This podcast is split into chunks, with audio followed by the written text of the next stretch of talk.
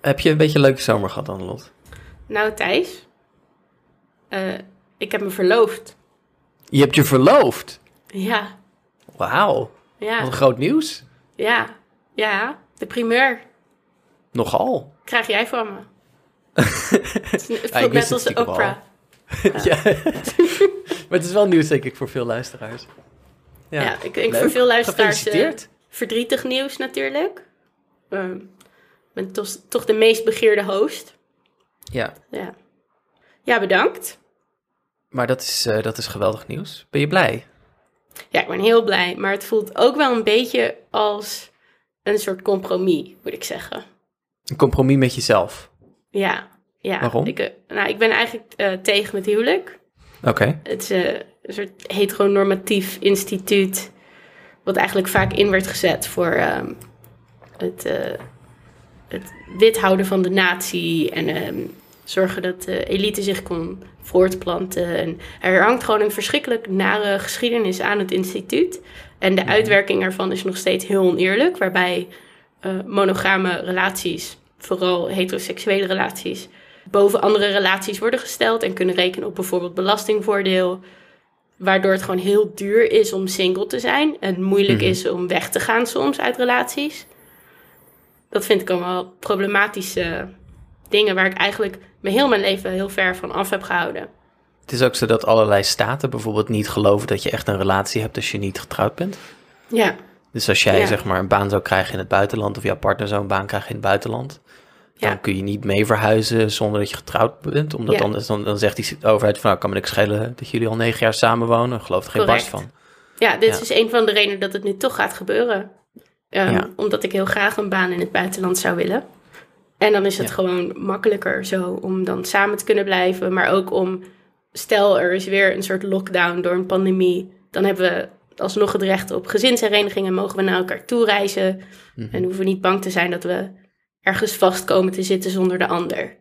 Maar het voelt wel een beetje als een pact met de duivel. Ja, ik kan me, ik kan me dat goed voorstellen. Maar het is ook pragmatisch, want stel dat je bijvoorbeeld, ja, ik weet niet waar je van plan bent om naartoe te gaan, maar stel dat je in de Verenigde Staten zou komen te wonen, waar ik woon. Ehm, en eh, jij krijgt een baan of, of je partner krijgt daar een baan. Ehm, ja, de, de, het pad naar een zorgverzekering loopt via de werkgever. Daar Ja. moet je ook voor getrouwd zijn. Ja, eh, dat is nu ook al het geval hier in eh, Duitsland. Oh, mijn partners baan biedt ook een goede zorgverzekering. En bij mij is mijn zorgverzekering gekoppeld aan mijn beurs. En de beurs houdt op volgende maand. Maar het stuk is nog niet af. Ja. Eh, dat gebeurt vaak in de academische wereld. Maar zodra wij trouwen, kan ik dus op die zorgverzekering erbij. En is dat opgelost. Nou, Ja. een compromis met een instituut dat in de kern door en door rot is, maar dat je nu moet gebruiken om ook te kunnen overleven in een wereld die op heel veel plekken door en door rot is. Dus Ja. het is wel een, het is een compromis, maar het is een pragmatisch compromis, ondanks het feit dat het ja, dus eh, ja, toch ook wel dwars zit. Ja, het zit me vooral dwars dat ik het idee heb dat ik heel veel toegang hiertoe heb. Omdat ik nu met een man ga trouwen Hmm, als mhm. vrouw. Ja. En een soort van helemaal in dat plaatje pas van dat heteronormatieve, witte, getrouwde stijl. Terwijl het voor mij juist als iets voelt. eh, waardoor ook een stuk. Ja, er wordt iets van mij afgepakt, ook voor mijn gevoel. Een stukje eh queerness Nee, ik heb- misschien. Ik heb meer vertrouwen in jou. Ik denk dat jij het huwelijk gaat disrupten. Yes. Ja.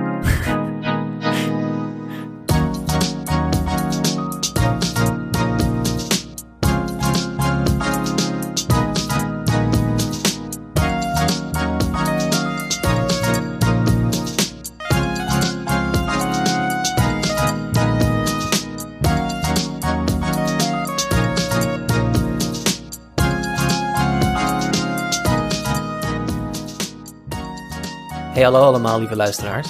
Fijn dat jullie er weer zijn na onze zomerstop. Ik ben Thijs en ik zit hier vandaag met Annelot. Dat hadden jullie misschien al wel door. We doen vandaag samen, gewoon met z'n twee. En gelukkig is het seizoen nog niet ten einde, we gaan door.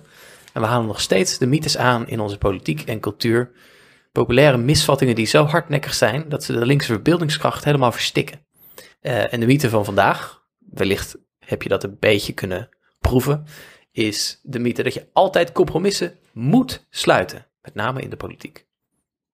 het is jullie misschien niet ontgaan dat wanneer je stelling neemt ergens aan de tafel tegenover je vervelende oom of op het internet uh, of waar dan ook. Uh, met name als die stelling een beetje linkser is dan de gemiddelde boomer die brieven naar de Telegraaf schrijft. Dat je ogenblikkelijk iemand die je aan je fiets hebt hangen, die zegt, maar je moet wel compromissen sluiten, anders is het niet redelijk. Nou, en daar hebben we wel appeltje mee te schillen. Want dit eindeloos herhaalde mantra over dat je steeds maar moet inschikken, wordt altijd tegen linkse mensen gezegd en nooit tegen anderen. En het is dan ook vette onzin. Maar voordat we dat thema in gaan duiken, nog even dit. Wij maken deze podcast met veel plezier en hopen dat jij, luisteraar, er ook veel plezier aan beleeft. Als dat zo is, dan kan je ons steunen via vriend van de show slash HRM. Voor 3 euro per maand word je kameraad van de podcast en krijg je toegang tot allerlei leuke extra's. Bijvoorbeeld de maandelijkse livestreams. Thijs, komende vrijdag staat er weer één gepland, toch? Uh, ja, aankomende vrijdag uh, ga ik Stardew Valley spelen en praten over uh, de boerenprotesten van de afgelopen zomer. Ik ben namelijk een groot fan van Stardew Valley en op basis van die expertise kan ik ook heel veel zeggen over de boerenprotesten. Nou, dit wil je niet missen, dus ga snel naar vriend van de show slash HRM. Dan krijg je ook meteen toegang tot de bonusafleveringen, de Discord vol memes en kattenplaatjes. En je kunt live meeluisteren tijdens de opnames, zodat je kan horen wat de aflevering allemaal niet haalt. En dat voor maar 3 euro per maand. Ja, 3 euro per maand, dat is inflatieproef. maar worden wij dan ook steeds waardelozer of werkt dat niet zo? Uh, die vraag laat ik aan onze luisteraars. en als je niets kunt missen, dan is dat ook helemaal oké, want je kunt ons ook helpen door je vrienden, familie, collega's en de mensen met wie je op de bus staat te wachten over ons te vertellen. Maak van je kennis een kameraad. Like, subscribe en deel op je socials en je kringverjaardag. Betekent veel voor ons. Annelot, je zei net al een beetje, maar ben jij goed in compromissen sluiten? Nee. Nee? Nee, absoluut niet. Ik uh, vind het heel fijn om gewoon mijn zin te krijgen. het is wel fijn om je zin te krijgen, ja. Ja, het is gewoon veel leuker, ja. Maar gooi je dan ook vaak de kont tegen de krip, zeg maar? Ben jij moeilijk om, uh, om, om zeg maar, mee te werken? Die ervaring heb ik niet met jou. hmm, ik weet niet of het uh, de kont tegen de krip is, maar het is wel soms, voor mijn eigen gevoel in ieder geval, uh, een beetje my way or the highway. Um, ik zeg het altijd tegen mijn partner, partner gewoon zo van, ja, ik vind het toch wel de prettigste situatie als ik mijn zin kan krijgen. Ja. Ja. Misschien, uh, misschien hebben wij dat allebei wel een beetje in de zin dat we uh, in, in, ons schrijvende werk, dat het echt heel moeilijk is om soms de kritiek van anderen te verwerken en, en, en in je stuk op te nemen. Dat vind ik wel moeilijk. Maar het hangt dus bij mij wel heel erg van het, het level van investering af. Dus hmm. op schrijven vind ik het vaak makkelijker, omdat tegen de tijd dat ik een stuk naar iemand heb verstuurd, ben ik er al zo klaar mee dat ik daarna denk, ja, boeien, fuck it, oké, allemaal prima. En best wel alles klakkeloos overneem. Uh, maar bijvoorbeeld in politieke vraagstukken mhm. uh, voelt het vaak veel principiëler. En dan als iemand mij een soort van probeert te corrigeren of tot een compromis te verleiden, kan ik echt zo'n brandend gevoel voelen in mijn hoofd en mijn hart, alsof je van de trap valt, waarbij het dus heel erg voelt van, dit is het moment, nu moet ik dit verdedigen en me niet laten kennen en voet bij stuk houden. Mm, ja, oké, ja, ja dat, daar, daar herken ik wel iets in. Weet je, het is ook wel gewoon, ja, maar als het gaat om politiek standpunt of zo, weet je, dan denk ik wel van, ja, ik heb je wel goed over nagedacht. Ja. ja. Ja. ja. dat schrijven, dat herken ik ook helemaal niet trouwens. Dus, uh, dat, uh, daar heb ik al... als ik iets schrijf en mensen zeggen van, ja, dit moet helemaal anders, dan denk ik van, ja, hak gewoon meteen mijn arm eraf als je zo gaat beginnen. Weet je, dat, uh, ja... Oh, hmm. toch wel als een soort, altijd een mes tussen de ribben. Ik ben er wel beter in geworden hoor, dat ik meer daarvoor opensta. Maar god, mijn hemel. Ja, ja. ja. Nou, ik, ik heb jou wel eens feedback gegeven op je schrijven. Uh, uh, heb je toen ook je armer af willen hakken? Nee, en ik heb ook een deel van die feedback wel overgenomen, maar ook niet alles hoor. Oké. denk, ik denk dat jij bijvoorbeeld heel erg altijd terecht zegt dat mijn zinnen veel te lang zijn. Ja. Dus dan ga ik dan wel proberen te knippen. Maar je had ook bijvoorbeeld, er zit een stuk dat moet nog verschijnen in de Nederlandse boekengids het najaar. Um, had jij, de laatste zin had je herschreven. En toen dacht ik, nou, Annelot, Dat is, een, dat is een letterlijk citaat van een oud politicus. Dat kan gewoon niet. Oh, hm, Was ik ja, helemaal door, on- was ik helemaal door ontdaan. Ja, niet- zie je? Ja, daar ben ik dan weer echt, eh, sta ik respectloos tegenover. Geen compromissen. Ja. nee, maar ik ook niet. Die, die, die, die, die wijziging heb ik gewoon weer teruggedraaid. hey, maar, maar Thijs, jij wilde vandaag deze aflevering maken over compromissen. Is daar een speciale aanleiding voor? Of, Ja, daar is wel een speciale aanleiding voor. Want de mythe is dus, je moet altijd compromissen sluiten, anders ben je geen serieus persoon. Mm. Ehm, ik, heb, ik zal even, eh, ik zal maar gewoon meteen zeggen waar het op staat. Ik heb met mijn makker Johan Frets, ehm, heb ik een hechte Instagram, Instagram vriendschap. Dat wil zeggen, wij DM'en elkaar regelmatig. moet ik jaloers worden? Nee, het is gewoon, dat is hoe het, het werkt, want ik woon natuurlijk niet in Nederland. Oh dus we kunnen niet zeg maar even voor koffie afspreken. Ja, Eh, al ja. eh, spreken we elkaar als ik wel in Nederland ben ook wel eh, zo, zo nu en dan. En wij, hebben, eh, wij, wij vinden elkaar heel erg een soort specifieke ervaring. Die ik denk dat misschien meer mensen tussen de 30 en de 40 zou hebben. Als ik zeg 30 en de 40, dan voel ik me zo oud verschrikkelijk. Dus zeg maar de wat oudere millennials. En die is ervaring is een soort moeilijkheid om de paarse jaren 90 een plaats te geven in onze politieke ontwikkeling. Hm. Eh, nou wil het feit dat eh, over die ervaring, onder andere Johan heeft een film gemaakt eh, met de titel What's Left. En die film die gaat dus deze week in première in Felix Meritis in Amsterdam. Voor een gezelschap van genodigden, als ik eh, dat goed begrijp. Maar hij is ook over een paar weken, eind september. ehm, de precieze datum kun je vinden in onze show notes.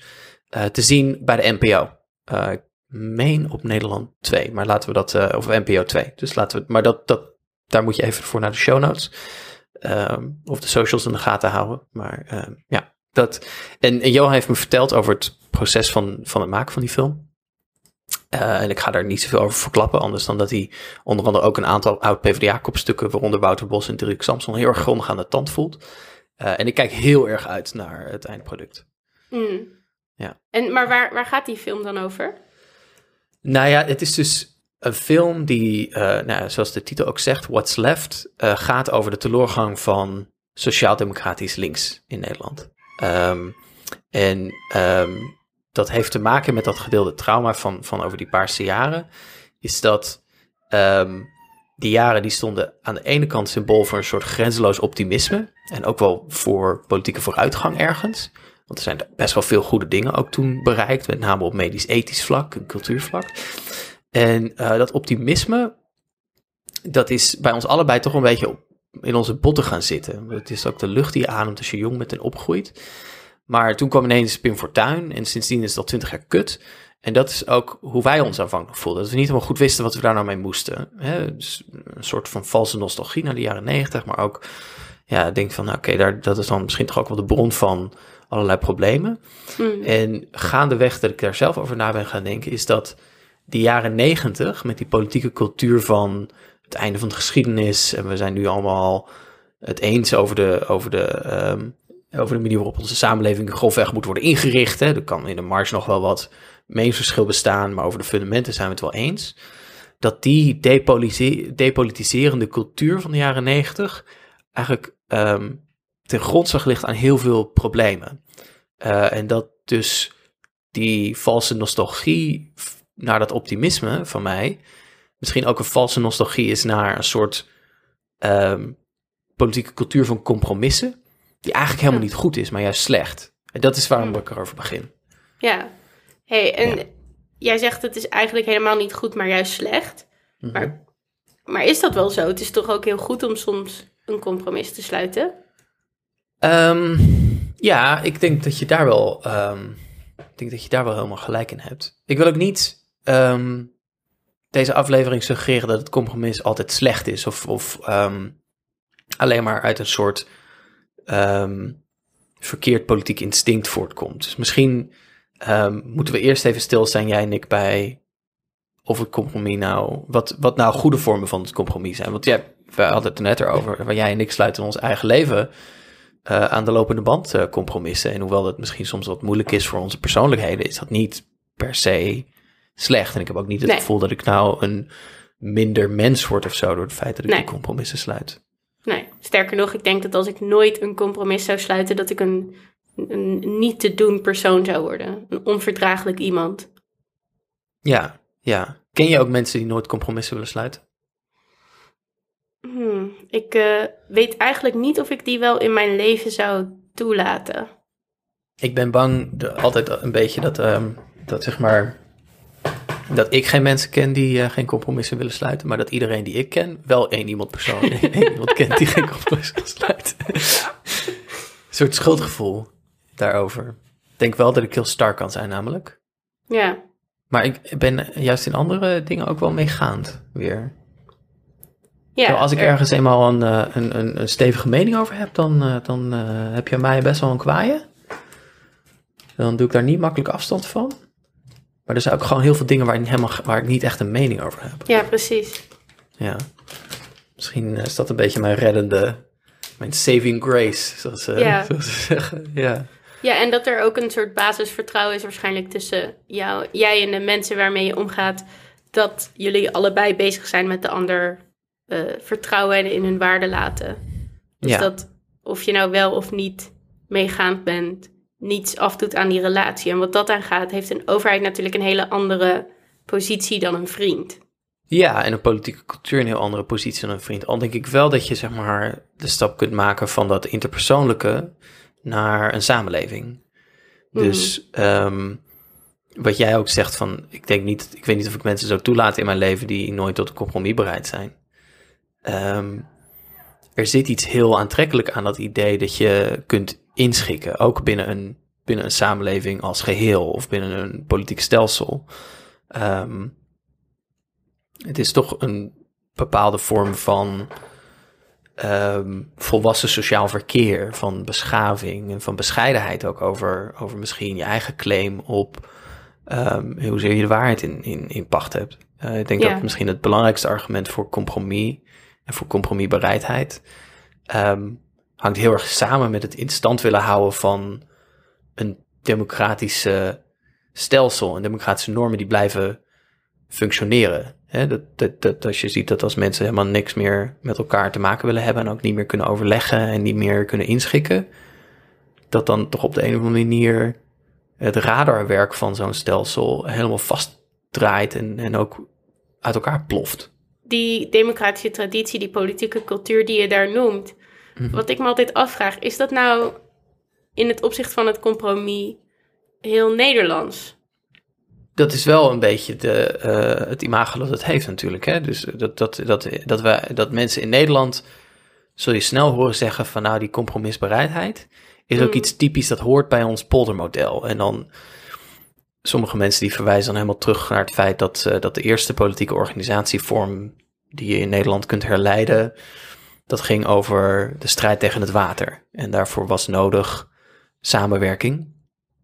En ook uh, gezamenlijke investeringen in, in bijvoorbeeld het aanleggen van dijken of het uh, inpolderen van uh, bepaalde gebieden. Maar dat is die strijd tegen het water. Hè? Het idee dat je in je eentje niks begint tegen, tegen de stormen en tegen de zee.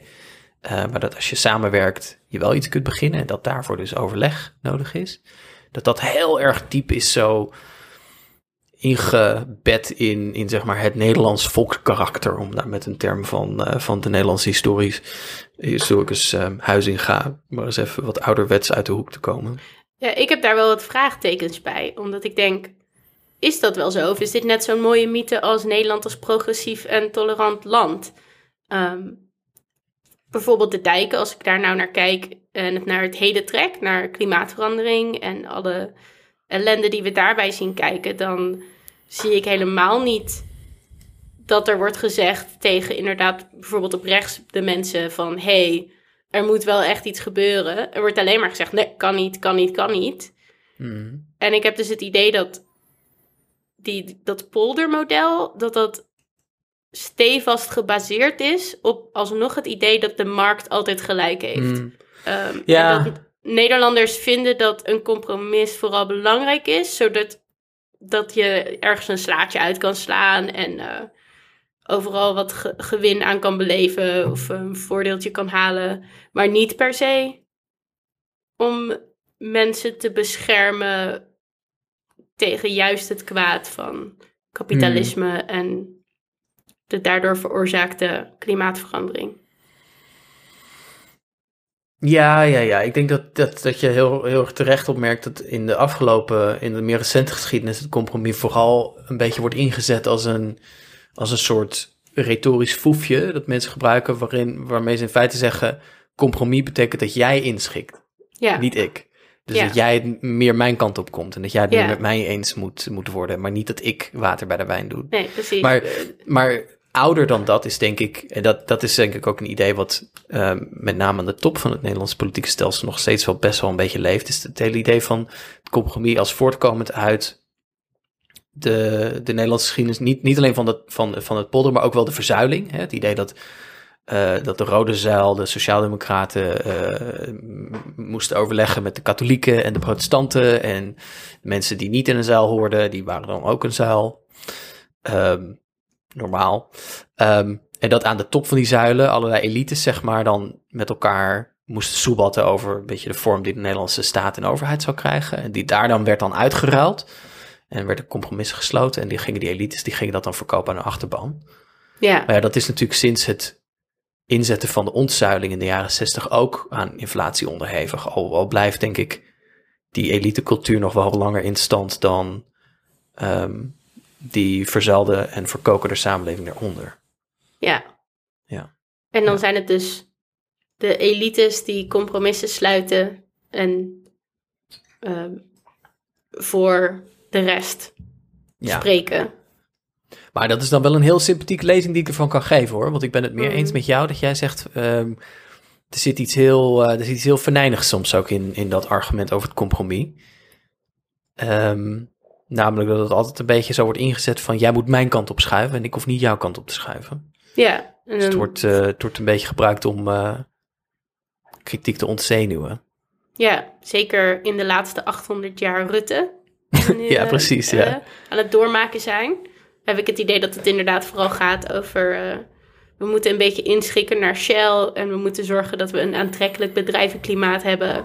en dat er dan kinderen naar school gaan zonder ontbijt, met honger... en mensen hun energierekening niet meer kunnen betalen. Ja, daar kunnen we helaas niet zoveel aan doen op dit moment. En je moet een beetje realistisch blijven. Ja, precies. Ehm, er is ook denk ik een idee van het compromis als iets belangrijks, die niet zozeer uit de Nederlandse polderklek komt, maar die meer te maken heeft met de cultuur, een soort liberale manier van denken die in de Koude Oorlog na de Tweede Wereldoorlog heel erg opkomt. En dat is heel erg het compromis als een soort politieke stellingname tegen de extremen van beide kanten, both sides. Ja, Ehm, en, en dat hangt sterk samen met het idee dat eh, politieke polarisatie ehm, en, en, en, en strijd tussen de flanken van links en rechts als iets inherent gevaarlijk en destabiliserend wordt gezien voor een democratie. Dat democratieën heel fragiel en breekbaar zijn. De 20e eeuw geeft er natuurlijk enige historische aanleiding voor om dat te denken, omdat de eh, verschrikkelijke gang naar het totalitarisme en naar de holocaust daarvoor eh, veel voedingsbodem voor die gedachten eh, ook gaven. Ehm, maar dan krijg je met name in de Amerikaanse en Britse politieke cultuur het idee van een, van een vitaal centrum. Hè? Dus dat het midden je zou altijd kunnen zeggen een redelijk midden. ja, precies. Ja. Dat het midden altijd verdedigd moet worden tegen, tegen de hardliners van, van links en rechts. Ja, Ehm, en daar hangt dan dus, dat hangt dan ook sterk samen met het op het schild hijsen van zeg maar de politieke deugd van het compromis kunnen sluiten. Ehm, en uiteindelijk krijgen we natuurlijk ook, daar hadden we het eerder ook over, een ideologisch momentum na de val van de muur aan het einde van de 20e eeuw en na de uiteenvalling van de Sovjet-Unie.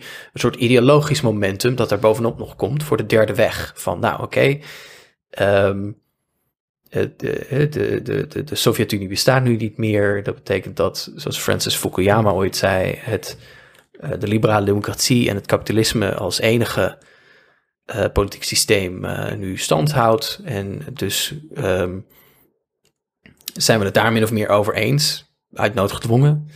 Ehm, en ehm, ja, is dat, is dat het, het wereldhistorisch compromis dat we met onszelf hebben gesloten, zeg maar. Ja. Ja en de derde weg is dan dus...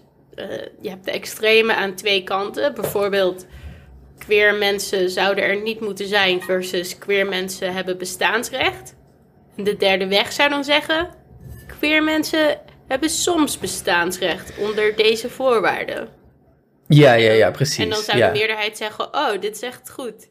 Ja, de, de derde weg is ook meer een specifieke term die echt verwijst naar een soort trend binnen bijvoorbeeld sociaal-democratische partijen, waarin eh, linkse partijen zeg maar het marktdenken gingen omarmen, maar, maar dat de derde weg meer in de algemene zin als, als van redelijke midden van, oh ja, een beetje.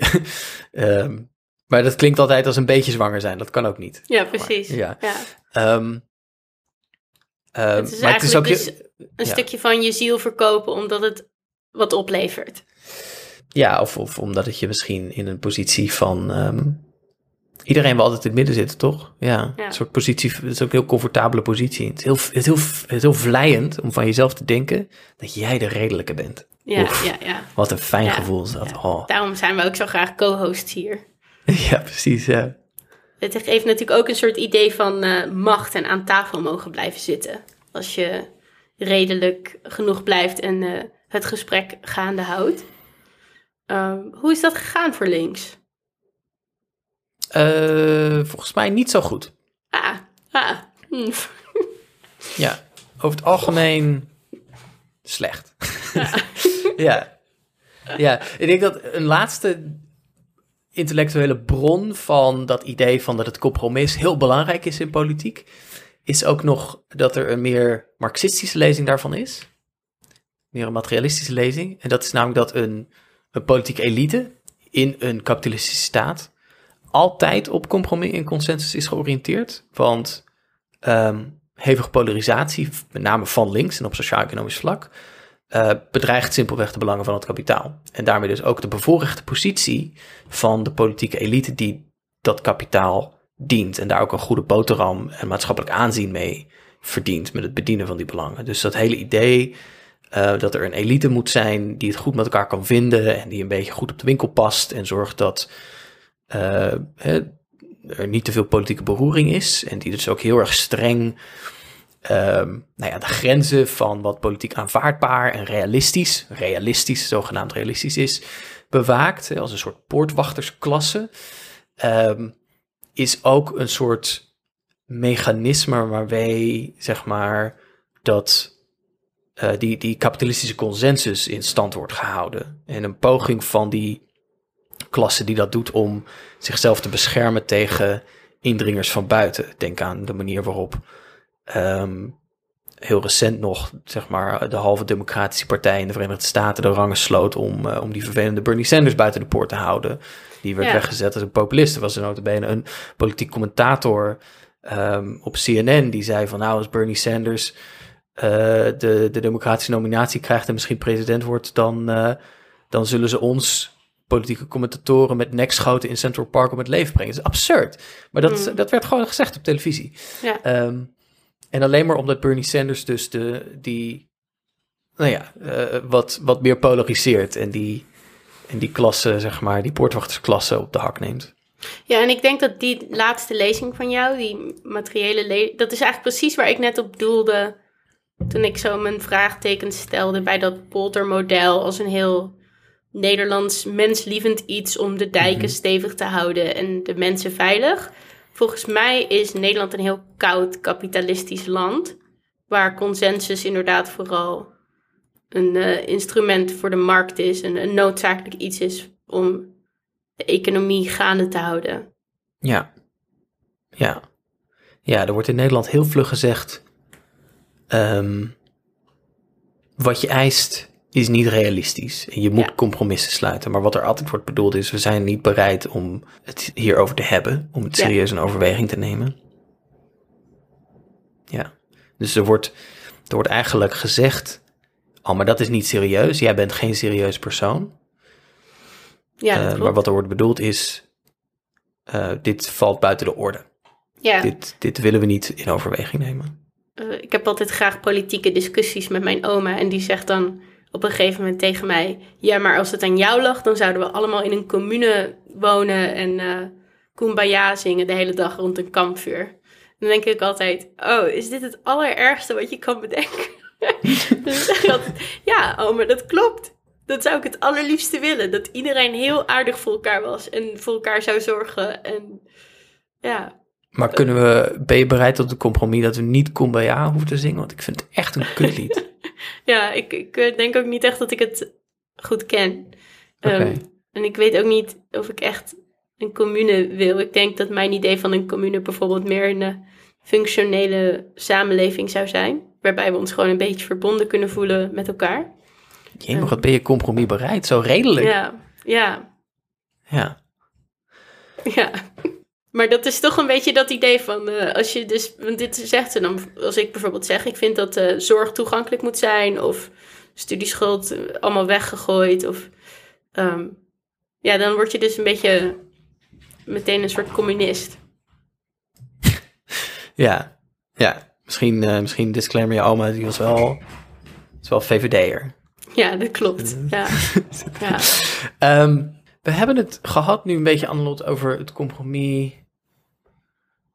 in twee vormen, toch? Aan de ene kant zeg jij en ik allebei, ja, we zouden er niet mee om kunnen gaan als we mensen in ons leven hebben die nooit in staat zijn tot een compromis. Die zouden, daar zouden we niet, daar zouden we geen prettige vriendschap mee kunnen onderhouden. En we hebben het ook gehad over het idee dat de compromis, als je daar dat een beetje dat, datzelfde principe probeert toe te passen op een politiek niveau, ehm, dat er iets heel moois zit in de compromisbereidheid. Omdat het een, eh, een vorm van democratisch respect is voor de ander. ehm, dat het erkent dat mensen oprecht van mening kunnen verschillen en dat het doordringen van een mening in een democratische samenleving, of het doordrukken van een mening in een democratische samenleving, iets heel onaangenaams is. eh, en ons, eh, onszelf en onze, onze opponenten berooft van ehm, hun oordeelvermogen en berooft van het recht om hun eigen oordeel te volgen in politieke zaken. Dat het compromis in die zin ook een beschavende werking heeft. En een werking heeft die ook een democratische cultuur in de stand houdt. Dus dat het in die zin echt een onmisbaar iets is in een democratie. En dat dat ook niet te vaak geschonden mag worden, omdat daarmee eh, de democratische cultuur zelf schade ondervindt. Hm. En tegelijkertijd, en ik denk dat die twee dingen naast elkaar bestaan, hebben we het gehad over het compromis als iets wat, eh, omdat het dus zo belangrijk is, ook meteen heel vatbaar wordt voor een soort ja, misbruik. Waarin mensen het ofwel gaan gebruiken als een soort ritueel van, oh ja, kijk, mij is compromis bereid zijn en andere mensen zijn dat niet en andere mensen zijn dus niet serieus. Dus dan wordt het gebruikt als een soort claim op macht en aanzien eh, en status. En ook als een soort stok om je tegenstander mee te slaan. Mhm. Hè, dus dat is dus niet het compromis als een ja, doorleefde eh, manier van, van functioneren in een samenleving, maar echt als een soort van kijk mij eens. Ja, Eh, en het compromis dus als een soort retorische strategie ook om allerlei kritiek te ontzenuwen of mensen te dwingen om standpunten in te nemen die, eh, die echt niet te verkroppen zijn. Ja. Maar we begonnen de aflevering met praten over eh, de film van eh, Johan. En Ja. over hoe compromissen in Nederland eigenlijk ook een beetje de dood van links hebben betekend. En dus ook gewoon soms echt slecht zijn. Ja. En ik denk wat daarachter steekt, is dat links, met name vanaf de jaren negentig, heeft een underdog-positie. Dat is zo. Maar het is ook een beetje zelf, denk ik, een soort zelfvertrouwen verloren dat het ergens eh, voor kan staan. Dus, en of dat er nou in zit dat ehm, linkse of in naam linkse partijen heel graag toe willen treden tot de macht. eh, en dan in dat proces dus hun zicht op wat belangrijk is eh, verliezen. Ineens allerlei dingen beginnen uit te ruilen die nooit uitgeruild hadden mogen worden. Mhm. Of dat het misschien komt ook door een gebrek aan zelfvertrouwen en geloof in de eigen zaak. Dat vind ik nou nog niet zo eenvoudig eh, te beantwoorden. Ja, en, en wat jij eigenlijk net zegt ook over het compromis als een sociaal ritueel. Dat Ja. eigenlijk noodzakelijk is om partner te blijven. Ik denk dat dat ook meespeelt met het idee van... oké, we gaan dus ook Thierry Baudet en Geert Wilders nu heel serieus nemen... want als we dat niet doen, dan vervreemden we nog meer kiezers. Eh, dus we moeten in gesprek blijven en we moeten maar met iedereen om de tafel gaan zitten. Um, Ja. Dat is dan een politiek voorbeeld daarvan, maar je ziet het natuurlijk ook heel erg in de talkshows. Het Ja. idee van eh, we moeten van alle kanten iemand hebben. Ik moet nog steeds vaak denken aan een talkshow. Ik geloof dat het de wereld draait door was rond het MeToo-moment. Mhm. Waarbij dan aan de enerzijds iemand zat die zei: verkrachting is heel slecht. En aan de andere kant hadden ze dan iemand neergezet die zei: ja, maar voor Nederlandse mannen is het heel moeilijk om te flirten. En nu maken we dat nog moeilijker. En dat was dan een soort.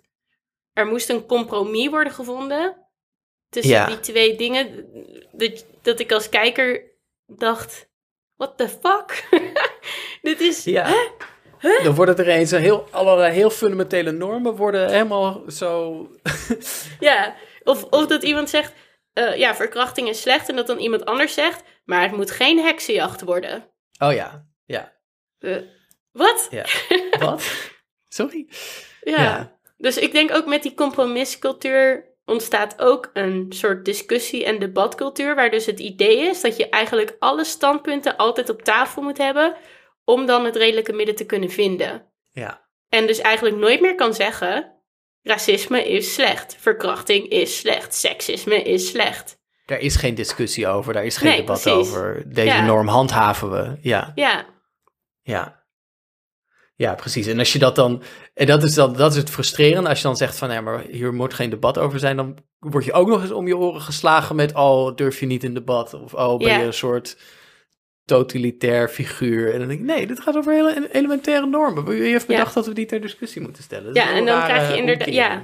En dan wordt Ja. iemand dus ook eruit gezet vanwege een eh, ja, gebrek aan compromisbereidheid. Eh, daar moet ik altijd denken aan een eh, Zwarte Piet debat wat ik ooit zag met Quincy Gario. Mhm. Die daar heel duidelijk en vrij boos inderdaad uitlegde van waarom het heel schadelijk was. En dat iemand anders dan zei, ja, maar u bent nu heel boos, zo ga ik niet met u in gesprek. Ja, Eh. ja, ja, ja, precies. Eh, Dat je denkt van, huh, het gaat gewoon, het hele punt ging over die mevrouw haar hoofd heen. Omdat ze niet luisterde en alleen maar bezig was met, met deze persoon valt geen gesprek te voeren of zo. Volgens haar idee van het Ja. polderen en het compromissen en het gesprek gaande houden. En ja, Ja. een afkeer van sterke emoties die zij ervoer. Terwijl Ja. ze zelf hele sterke emoties had natuurlijk. Ja, dat, dat andere idee, dus van, dus, dus we hebben nu het compromis als, als iets dat, ehm dus heel erg een soort ritualistisch van, je moet het overal maar over kunnen hebben. En ondertussen raken we het zicht op allerlei hele ele- elementaire normen kwijt. Dus het is een soort, soort breekijzer van, ehm, voor, voor wat lijkt vooruitgang, namelijk alles moet besproken kunnen worden, maar het is in feite is het achteruitgang. Dus het is, er wordt gemorreld aan allerlei hele elementaire zaken. Ja, Ehm, dan is er ook nog zeg maar het politieke ritueel van ja, maar als je dus geen compromissen sluit, dan ben je niet serieus. Dan sta je alleen maar te roepen aan de zijlijn en dan ben je niet bereid om verantwoordelijkheid te nemen. Ehm, en, en dan zijn de serieuze mensen die zijn wel bereid om verantwoordelijkheid te nemen en die doen dan allerlei ongelooflijk slecht beleid. Eh, maar dan zullen zij zich blijven verdedigen met ja, ehm, we hebben tenminste ook goede dingen kunnen doen. Of we hebben tenminste, hè, als, als wij er niet Ja. waren, dan was het een ergere partij geweest die aan de knoppen had gezeten. Dus we hebben het ook nog weten Ja. te kunnen dempen. En ik vind die altijd het meest. Ik denk dat dat argument het krachtigste is. eh, of het, het moeilijkste te weerleggen. Ik denk niet dat het klopt, maar het is het moeilijkste te weerleggen omdat het zo plausibel klinkt. Zeker in een meerpartijenlandschap als Nederland. Zul je altijd iemand hebben die zegt van ja, maar de PvdA of D66 moest wel met de VVD gaan regeren. Want anders waren ze gaan regeren met de PVV of met eh, ehm, Forum voor Democratie of met Ja 21. En dan had je dus in plaats van Sigrid Kaag had je Joost Eertmans gehad. ja, Maar ik denk dat waar dat argument spaak loopt, is dat diezelfde politici eigenlijk het spel al hebben weggegeven voordat ze zijn begonnen Hmm. dat die compromisbereidheid, die wordt zo onderdeel van hun eigen identiteit, dat ze dus ook niet meer weten hoe je eh, principiële politiek bedrijft. Ze, ze, ze, ze zitten eigenlijk al in de compromishouding nog voordat ze hebben geëist dat het anders wordt. Ja. Dus hun hele politiek raakt dan afgestemd op het doen van voorstellen die bij voorbaat al misschien redelijk genoeg gevonden kunnen worden door hun politieke tegenstanders. En ik denk dat daar iets heel ehm, pijnlijks en verneukeratiefs zit. Namelijk dat als je begint met je politiek eh, oriënteren op wat hopelijk voldoende ehm, ja, eh, eh, verteerbaar is voor je tegenstanders op rechts, met wie je dan kennelijk na de verkiezing toch wel graag samen wil regeren, dan kun je dus nooit eisen wat daadwerkelijk goed is. Ja, En, en, en je gaat ook niet krijgen wat je wel hebt geëist, want je zult je tegenstander zal zeggen, nou, kennelijk was dit je eis. Dan ja, heb ik er ook nog wel een paar en gaan we daar is het compromis. Dus je bent steeds aan het opschuiven. Je moet compromissen kunnen sluiten, maar een compromis is iets wat helemaal aan het eind van het politieke proces staat. ja, Je moet eerst campagne voeren. Je moet eerst eh, mensen mobiliseren. Je moet je vakbonden opzwepen. Je moet eh, eh, het onmogelijke eisen. En dan heel later, als je zo probeert zoveel mogelijk momentum te krijgen en macht te genereren en, en steun te genereren, dan ga je compromissen sluiten. Maar je begint niet bij het compromis. Dat is, dat is, ja, dat is een heel rare strategie. En toch een strategie die echt gemeengoed is geworden. En wat jij daar omschrijft als gaande in de politiek, zie ik ook bij kiezers. De hoeveelheid mensen die ik heb gesproken die zeggen: eigenlijk zou ik wel bij één willen stemmen, maar ik ga voor P van de A of GroenLinks, want dan kunnen die hopelijk eh, echt iets gedaan krijgen. Dat is natuurlijk een soort voortzetting van diezelfde beweging naar echt het uitwissen van elke vorm van ambitieuze linkse politiek. Waardoor je uitkomt bij situaties als nu in Ter Apel. Ja, maar ik vind het ook echt iets wat linkse mensen doen en rechtse mensen eigenlijk helemaal niet. Rechtse mensen zeggen gewoon van ja, we moeten, Ja. moeten Nederland uit de Europese Unie. Of we moeten men- Nederland uit het eh, verdrag voor de rechten van de mens, zodat we de grenzen potdicht kunnen gooien. Dat is een standpunt dat rechtse mensen hebben. Ja, En dan zeggen, en zeggen heel verstandige en redelijke mensen zeggen van nou, dat kan helemaal niet. nou, Ehm, maar linkse mensen of progressieve mensen of mensen van het midden, die gaan zeg maar eigenlijk in hun hoofd gaan ze al iemand verzinnen die het Ja. niet met ze eens is. ja. Gaan ze, Maar die gaan al helemaal persoon- mee met dat framework van rechts. Dus er wordt gezegd, Ja. er is een asielcrisis. En eh, ne- ineens zie je linkse mensen ook die termen gebruiken. Of het idee van Nederland is vol. Daar gaan linkse mensen dan in mee dat ze zeggen van... Ja, maar misschien kan het zo. In plaats van dat ze zeggen... Nee, dit klopt niet. Dit is incorrect. Dit framework klopt niet. Precies, precies. Ze zetten er niets tegenover. Maar dat komt Nee. omdat er in hun hoofd een, een, een boze burger woont. Die ze allemaal meningen toedichten. Ja. En daar zijn ze doodsbenauwd voor, voor die boze burger. Ja. En die willen ze niet die willen ze ook niet te boos maken. Nee, Dat is echt. nee. Er, le- er leven heel veel boze burgers eh, huurvrij in het hoofd van heel veel eh linksige en progressieve en, en, en net iets links van het politieke midden mensen. En ze proberen die boze burger voortdurend tevreden te houden. En ze vergeten helemaal dat ze zelf burger zijn. Ja, En dat ze zelf eisen mogen hebben in een democratie. Dat Ja. ze zelf mogen zeggen: Ik wil dat alle studieschuld wordt kwijtgescholden. ja, En ga daar dan, dan maar eens campagne op voeren. En als dan helemaal aan het eind van de rit blijkt dat niet alle studieschuld kwijtgescholden kan worden, maar wel eh, eh, een bedrag tot 20.000 euro, nou dan heb je toch winst geboekt. En Ja. dat is dan het compromis. Maar als je begint met, we gaan dan inkomensafhankelijk de studieschuld zo, en dan ga je al helemaal plan bedenken, van ja, van nou, zou dat dan haalbaar zijn? En dan ga je zeg maar, en, en dan heb je volgens mij ook niet goed begrepen hoe poli- politieke mobilisatie werkt. Mhm. Eh, t- toen, toen Wilders begon in 2006, had helemaal niet een meerderheid van de Nederlandse mensen eh, een, een hekel aan de Europese Unie of een hekel aan eh, eh, allerlei dingen waar Geert Wilders een hekel aan heeft. Maar Geert Wilders, net als Pim Fortuyn voor hem en Thierry Baudet na hem, begrijpt één ding heel goed wat linkse mensen niet begrijpen. En sorry dat ik nu hardop ga vloeken, maar dat is dat politici en leiders hun achterban in het leven roepen. En niet Mhm. zeg maar, die mensen kijken niet naar een, een, een opiniepeiling en denken, nou waar is een meerderheid voor, dan ga ik dat zeggen. Nee, die gaan dingen zeggen. En omdat ze stelling nemen, gaan mensen denken, oh ja, misschien is dat eigenlijk wel iets. Ehm, dus het, ook- het, het is ook nog een soort, linkse mensen hebben ook nog eens een totale verkeerde opvatting van hoe politiek werkt. ja, Eh, namelijk dat je de hele tijd maar achter een soort eh, eh, nu in opiniepeilingen zichtbare meerderheid moet bedienen. Mhm. In plaats van stelling nemen, werk doen, mobiliseren eerst een keer verliezen, tweede keer verliezen, derde keer winnen. Ja, ze zijn eigenlijk zo bang voor de brievenbuspissers van rechts. Dat Ja. ze vergeten dat ze zelf een maaltijd hadden moeten bereiken voor de mensen die binnen zaten. Die ondertussen door de achterdeur naar buiten lopen om zelf maar wat te gaan regelen. Ja, ja, inderdaad, inderdaad. Ja, vind ik een mooi beeld. Staat iemand in je brievenbus te pissen Ja, en er wordt niks gedaan in de keuken. ja, Nou, dat is gewoon een, een chaos in dat huis. ja, ja. Het, stinkt in, het stinkt in de gang en het Ja. ruikt niet lekker in de keuken. Nee. nee. Ja.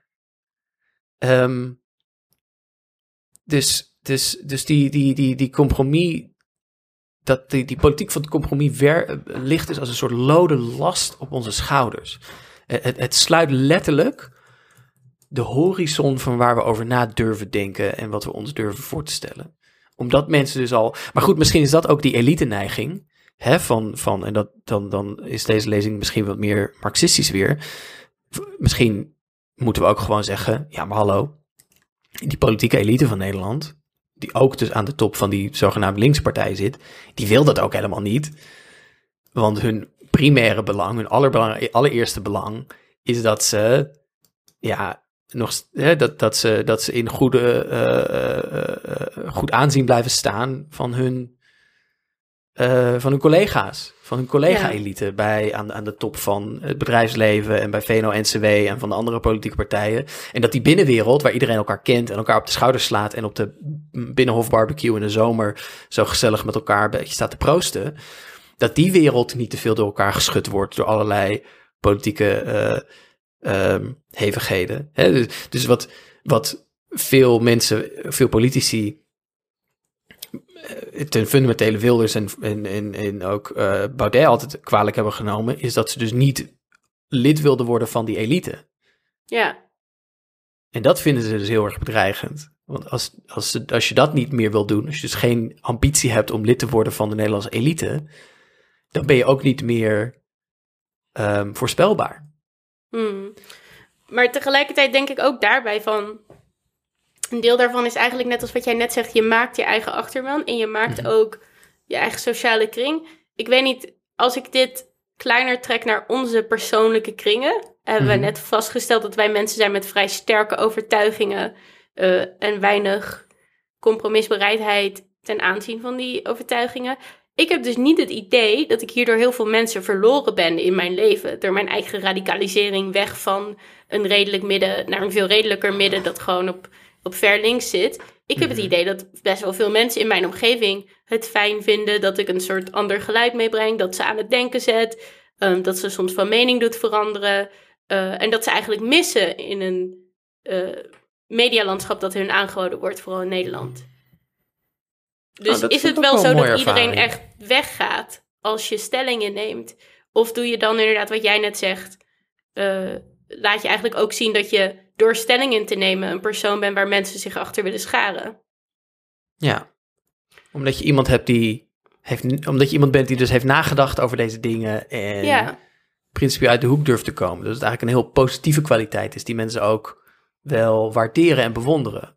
ja, En als jij Precies. zeg maar, ehm, als jij met vrienden zou afspreken, jullie zouden een politiek gesprek hebben, jij neemt stelling en zij zeggen dan er iets tegen in en jij begint te schreeuwen en te tieren en je gooit een drankje in hun gezicht en vertrekt, dan zouden je misschien wel vriendschappen verliezen. En Ja. op zich is de reactie natuurlijk Ja. afhankelijk van hoe verknipt hetgeen is wat ze hebben gezegd. Maar we gaan even vanuit dat, dat het misschien gewoon een, een tegenwerping of een vraag is of zo. Kijk, als jij niet om zou kunnen gaan met een tegenwerping, dan, dan ehm, is iets mis met jou. Maar het betekent niet dat jij niet je eigen stellige mening mag hebben. En dat betekent Ja. zeker ook niet dat als jij die mening kan motiveren, dat jouw vrienden, die nu misschien nog veel gematigder of zelfs wel conservatief denken, niet mee kunt krijgen in, Ja. in wat je zegt.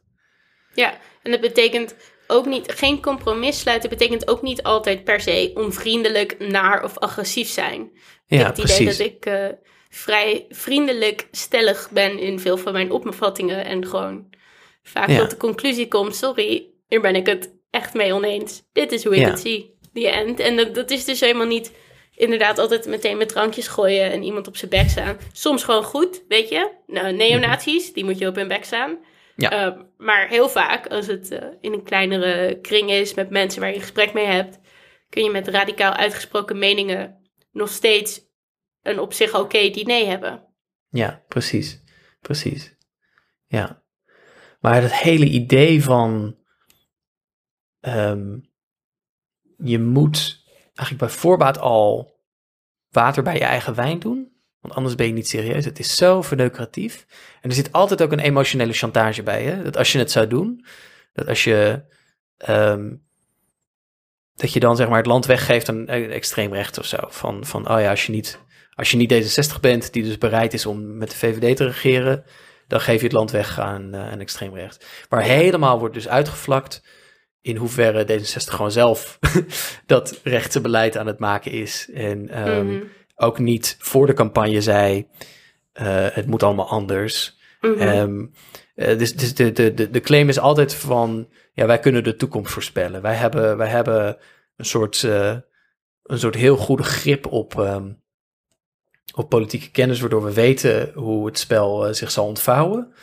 En dus zijn wij de verstandige mensen hier nu, hebben we dit standpunt ingenomen. En dat is het compromis. En iedereen die daar dan stelliger of radicaler in durft te zijn, is, ehm, is een politieke paljas die, eh, die spelletjes speelt met het lot van de zwakste in de samenleving. Het is zo'n zo'n verknipte manier van redeneren waar helemaal niets van deugt, maar het toch kennelijk heel aantrekkelijk voor, eh, voor veel mensen.